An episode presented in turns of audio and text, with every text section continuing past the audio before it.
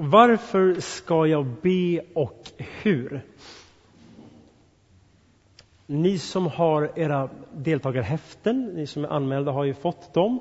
Då är det då föredrag nummer tre. Även om vi är inne på vecka fem.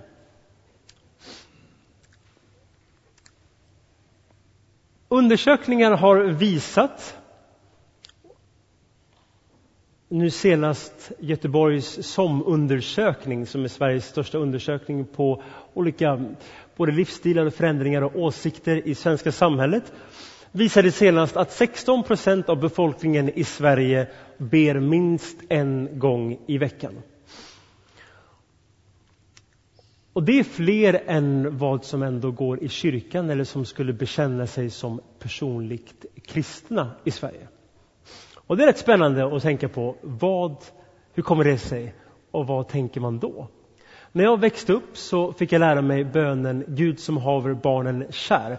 Den bad mina föräldrar med mig varje kväll och jag har i min tur fört över det till våra barn. Så jag och min hustru Sara ber också den bönen på kvällarna. Och det är en väldigt bra bön, innehåller mycket, det är inget fel på den. Men samtidigt måste jag nu ändå våga påstå att under uppväxten så var den mest en formel som jag sa på kvällen för att det skulle kännas tryggt att gå och lägga sig. Det blev som en del av en ritual. Utöver de bönerna då, eller den bönen, så bad jag nog mest när det krisade sig. Och det behöver inte vara något fel med det, men det var koncentrerat till när jag behövde hjälp. Jag minns ett tillfälle, pappa var hemma och var sjuk. Och jag var hemma, jag var inte så gammal, men ehm, jag tänkte nu får vi be då. Och han hade hög feber och jag la händerna på honom och bad. Och han upplevde hur han märkbart blev bättre där. Men jag vill ändå påstå att sen jag blev personligt kristen, som ägde rum när jag var 16 år, så ehm, kan jag ändå märka hur pass ofta det är som jag råkar ut för tillfälligheter när jag ber om saker och ting. Vad är bön? Och kanske ännu mer, vad är kristen bön?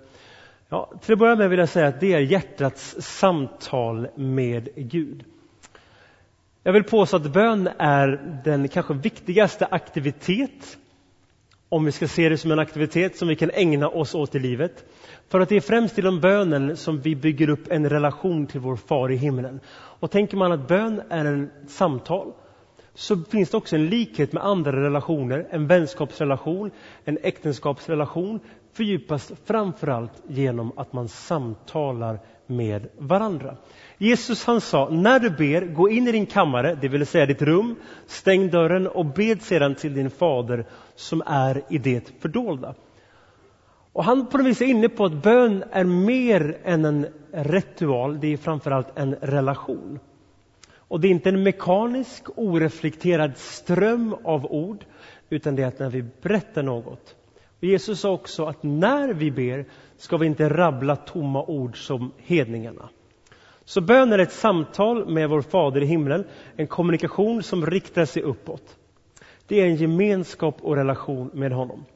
En liten pojke ropade en gång allt vad han orkade hemma. Gode Gud, låt mig få en chokladask när jag fyller år. Varpå hans mamma sa följande. Du behöver inte skrika lilla vän. Gud hör ändå. Han är inte döv. Varpå pojken svarade. Nej, men morfar nästan hör inte så bra. Och han sitter i vardagsrummet bredvid. Och när vi samtalar, när vi ber, så talar vi inte till oss själva. Vi talar inte till andra, utan vi talar till Gud. Så bön är en fråga om gemenskap med honom. Och när vi ber så är hela treenigheten, Fader, Son och Ande involverad. För en kristens bön är en bön till Fadern genom Sonen av Anden. Och det kanske låter komplicerat, men jag vill säga någonting kort om det. Jesus lärde oss att be bönen Vår Fader, som vi bad lite tidigare här i gudstjänsten. Och bara det står an att Jesus säger att Gud är en personlig Gud. Visserligen är Gud mycket mer än, än vad en person, en människa är. Gud står över alla personligheter, men lika fullt är han personlig. Jesus liknar honom med en far. Och Bibeln berättar att du och jag är skapade till Guds avbild.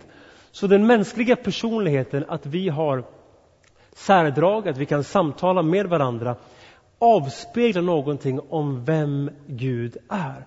Att han är vår kärleksfulla far, att vi har fått den ofantliga förmånen att vi kan få komma nära honom och kalla honom för Abba. Som Jesus sa, och det betyder käre far eller pappa.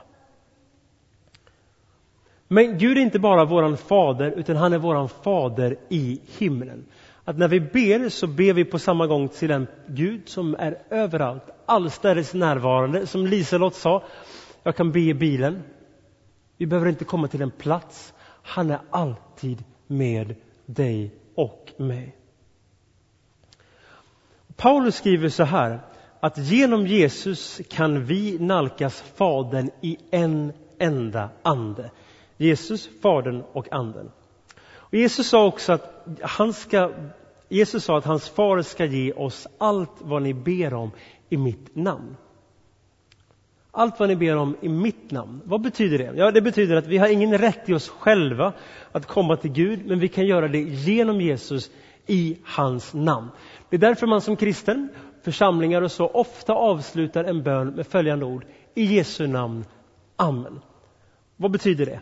Ja, det är inte bara tomma ord eller tradition, utan det är ett sätt att bekräfta att det jag säger, det jag ber till Gud, det jag tackar honom för, det jag ber om hjälp eller lovsjunger honom för, det kan jag göra för att jag har Jesus på min sida. Jag ska ge ett exempel på vad det, vad det handlar om. Vi använder inte checkar så mycket när man skriver ut belopp. Men jag håller på att köpa en ny bil snart och jag kommer hämta ut en postväxel, det är samma sak. När jag skriver mitt namn på det så får papperslappen ett värde. Men värdet av, ett, av en check, av en postväxel, står inte bara och faller med vad som står på pappret utan vem det är som skriver under pappret. Om jag skulle skriva ut en check här nu på 100 miljoner kronor till någon skulle ingen bli märkbart glad. Alla begriper, jag har inte de pengarna. Men om sultanen av Brunei, som sägs vara världens rikaste person, skriver ut en check med sitt namn under, då är den värd precis varenda krona. Så när vi går så att säga till himmelens bank, om man ska kunna likna bön vid det, så skulle jag komma dit med mitt eget namn, då finns det ingenting jag kan hämta ut. Det finns ingen förväntan att jag skulle få svar på det jag ber om eller tackar för. Men när jag går dit med Jesus namn, då har jag obegränsad kredit i affären. Han har gett oss förmånen att få berätta om allt vi bär på och ha förmånen att vi kan också få det vi ber om. Och Det beror på att Jesus dog, pratade om det här andra alfagången, att han dog på ett kors och genom det rev ner skiljemuren mellan oss och Gud. Han har öppnat upp vägen till Gud. Jag hinner inte gå in på det igen. Man kan låna boken Livets frågor där uppe, där det föredraget också finns med. Så en kristens bön är också i sonen, men också i anden. Vad betyder det? Här är jätteviktigt. Vi kan ibland tycka att det är svårt att be. Vi vet inte hur vi ska be. Det kan upplevas torrt att be, meningslöst och så vidare. Och det är därför Jesus sa, jag återvänder till himlen, men jag ska ge er en annan hjälpare, den helige Ande. Helgen i januari handlar precis om detta. Att Gud har gett oss sin helige Ande för att han ska bo i oss och hjälpa oss att be. Så här skriver Paulus till andra människor som hade samma fundering. På samma sätt är det när Anden stöder oss i vår svaghet. Vi vet inte hur vår bön egentligen bör vara, men Anden vädjar för oss med rop utan ord och han som utforskar våra hjärtan vet vad Anden menar eftersom Anden vädjar för de heliga som Gud vill. Du är inte lämnad ensam på en planet att söka dig till Gud. Du har fått den helige Ande som också vill vara din bönekompis också när du ber. Så varför skall vi be? Ja, bön är någonting väldigt viktigt. Jag vill ge några anledningar, det finns många fler naturligtvis, om varför vi ska be. Först och främst för att det utvecklar, upprättar vår relation till vår far i himlen. Ibland säger människor så här, Gud vet redan allt vad vi behöver. Varför ska vi be till honom om det? En väldigt bra fråga, befogad fråga och den är ju alldeles sann. Gud vet allt. Men det skulle inte vara mycket till relation om vi inte samtalade med honom. Jag vet alla Iris viktiga behov, men jag älskar när hon berättar för mig. Iris är min dotter. Och det som Gud framför allt vill, det är att ha en relation med dig och mig som får börja på den här sidan evigheten och fortsätta på andra. Det finns många former av bön. Liselott var inne på det. Alltså tacksägelse, lovprisning, tillbedjan, bekännelse, lyssnande och så vidare. Jag ska nämna någonting i slutet om det. Men grunden är gemenskap, samtal med vår himmelske fader. Ett annat skäl att be, det är att Jesus bad. Det var Jesus modell för relation till Gud.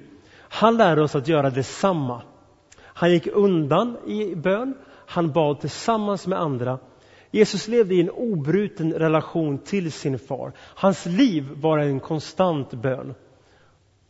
Det var inte bara en aktivitet utan en relation.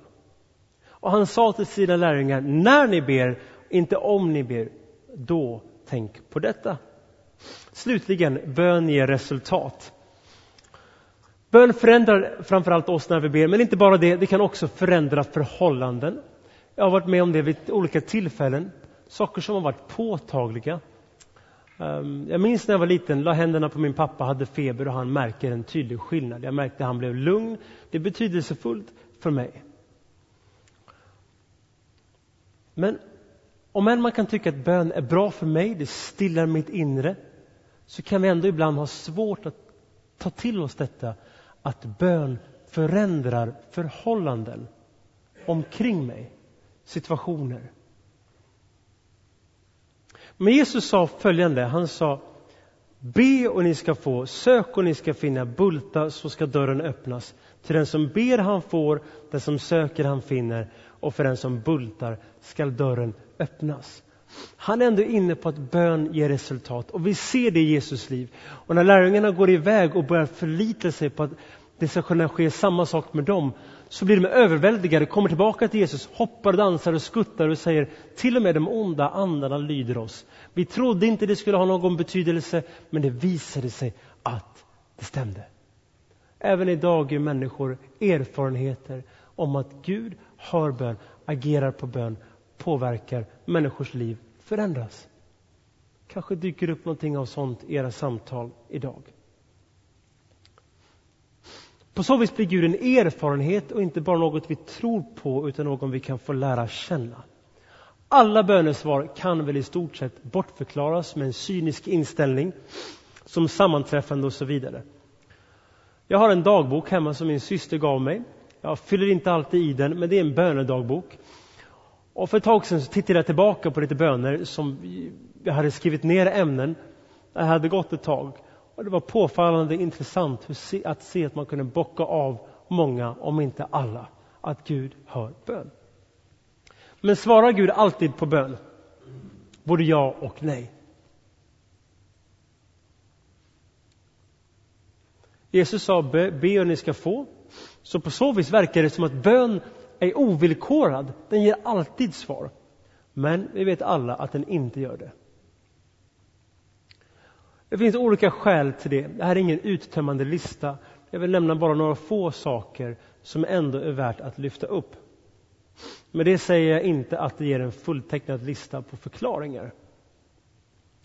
Men ett skäl till att vi inte alltid får det vi ber om kan vara obekänd synd. Att det kan bara finnas en blockering mellan oss och Gud. Så här skriver Jesaja i kapitel 59. Se, Herrens arm är inte för kort så att den inte kan frälsa. Hans öra är inte tillslutet så att den inte kan höra. Nej, det är era missgärningar som skiljer er och er Gud från varandra. Och era synder döljer hans ansikte för er så att han inte hör er. Han är inne på att folket hade synd som de hade accepterat i sitt liv som hade skapat en blockering mellan dem och Gud. Gud i sin barmhärtighet ger svar till människor också när vi kan ha obekänd synd. Det är inte det, men det är ändå en viktig fråga att ställa sig själv när man upplever att jag når inte fram till Gud, det känns inte som att någon är där. Så bör den första frågan vara följande. Har jag tagit emot Guds förlåtelse genom Jesus på korset? Är skiljelinjen mellan mig och Gud nedbruten av Kristus? Lever vi i en relation? Vår relation kan bli störd av synd och olydnad. Jag har själv upplevt det flera gånger. Sen skriver Johannes, en av Jesus lärjungar, I Nya testamentet, mina kära, om hjärtat inte dömer oss kan vi stå frimodiga inför Gud. Och vad vi än ber om får vi av honom, eftersom vi håller hans bud och gör det som behagar honom. Det sista är också att vi kan ha felaktiga motiv. Våra motiv kan vara ett hinder för att vi inte får det vi ber om. När jag var liten bad jag ofta att få en motorcykel och jag fick inte det. Jag var ändå lite besviken på Gud men kan förstå nu att jag hade ett helt själviskt motiv. Om än det är en liten banal sak så lyssna här på Jakob, en annan av Jesus lärjungar.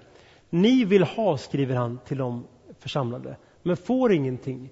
Ni dödar av avund men uppnår ingenting. Ni kämpar och strider. Ni har ingenting därför att ni inte ber.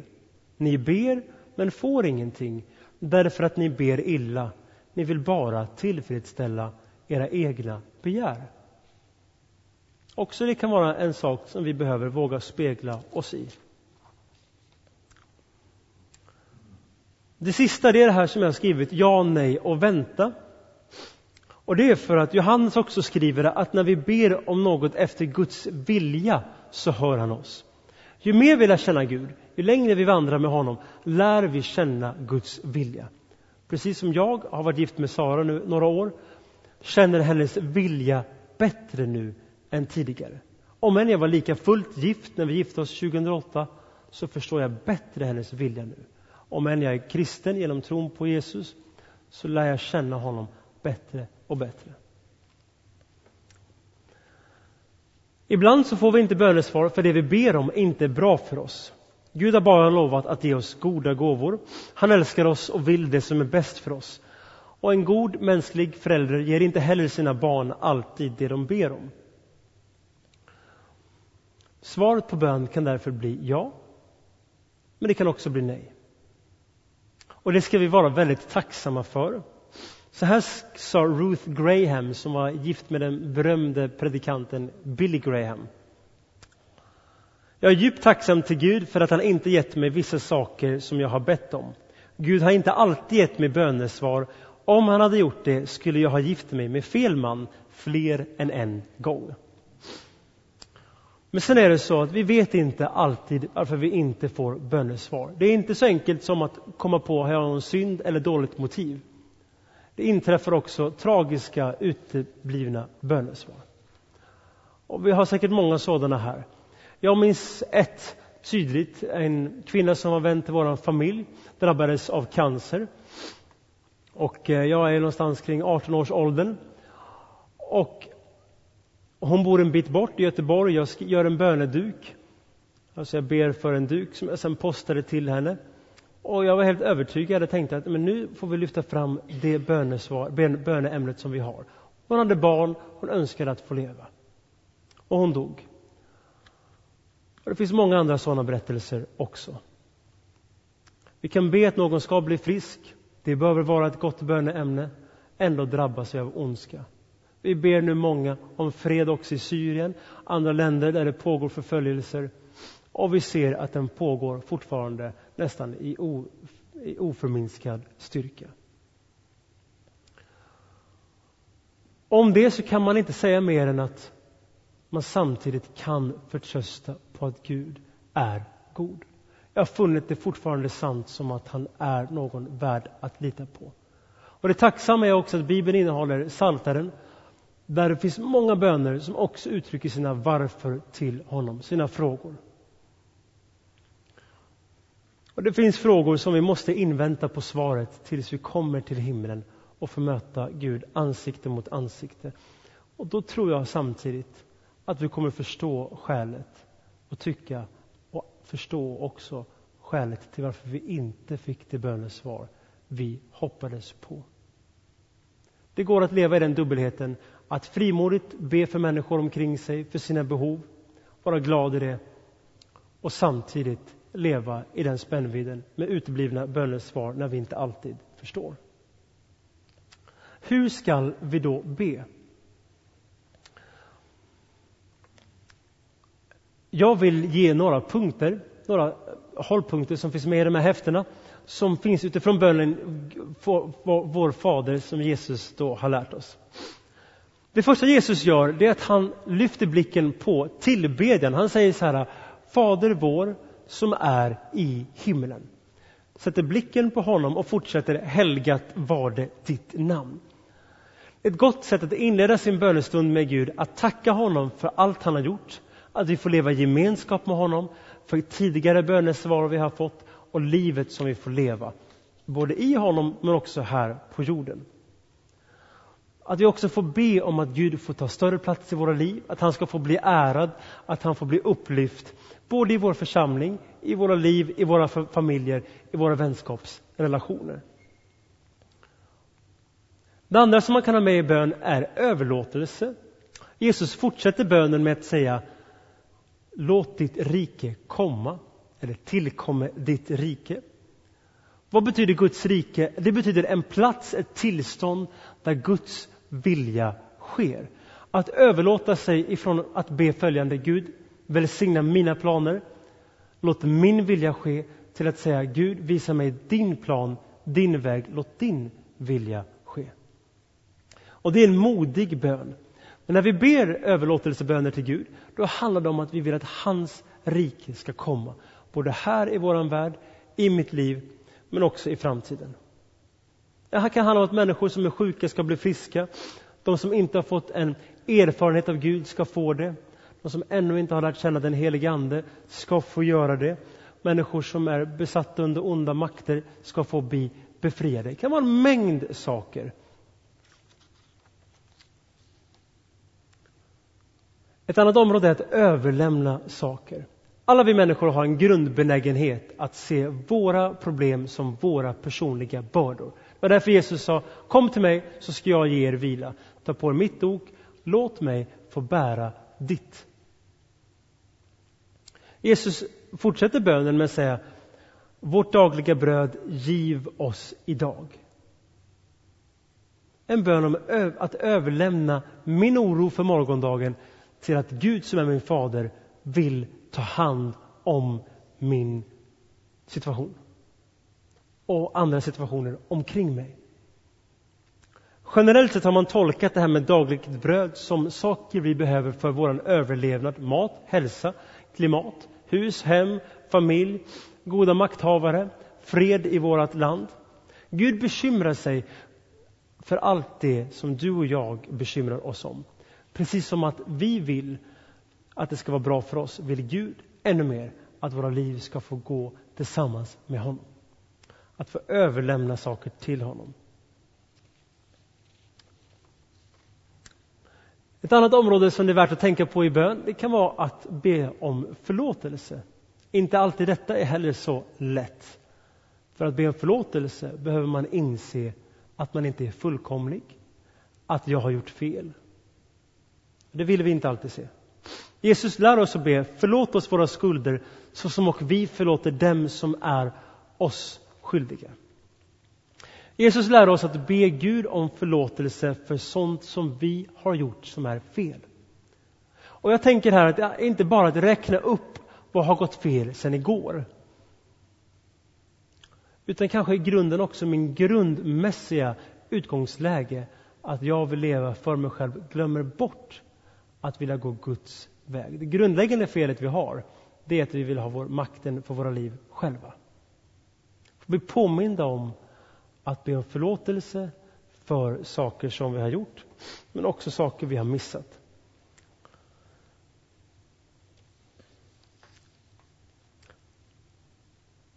När vi talade om Jesus, att han dog på korset, då fick vi lära oss att Jesus har dött för alla våra synder. Så varför ska man då fortsätta att be om förlåtelse? Om jag redan har fått all förlåtelse. Ja, jag tänker så här att om än Jesus har gjort oss rena, när vi fortsätter i vår vandring med Gud så dyker det upp små saker igen. Och för att hålla sitt hjärta fortsatt mjukt är det viktigt att påminna sig om att jag lever av hans nåd, av hans förlåtelse. Jesus säger också att om ni förlåter människorna deras överträdelser så ska er himmelske fader också förlåta er. Men om ni inte förlåter människorna ska inte heller er fader förlåta era överträdelser. Och det kan låta rätt hårt. Betyder det att om jag har blivit sårad av någon annan och inte förlåter honom eller henne så kommer Gud heller inte förlåta mig? Eller betyder det om att eftersom att jag förlåter andra, då kommer Gud förlåta mig? Ja, det handlar inte om att vi ska förtjäna förlåtelse. Det handlar snarare om följande. Att ett tecken på att vi har tagit emot Guds förlåtelse, förstått att vi har behövt hans hjälp och behöver den. Ett tecken i våra liv på att vi har fått ta emot den förändringen, det är att vi är villiga att också förlåta andra som sårar oss. Har jag mött kärlek, då vill jag ge kärlek.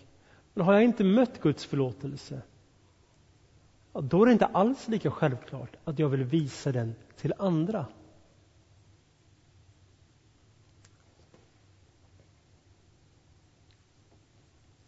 Och slutligen ett annat område, det är att få, vad händer nu?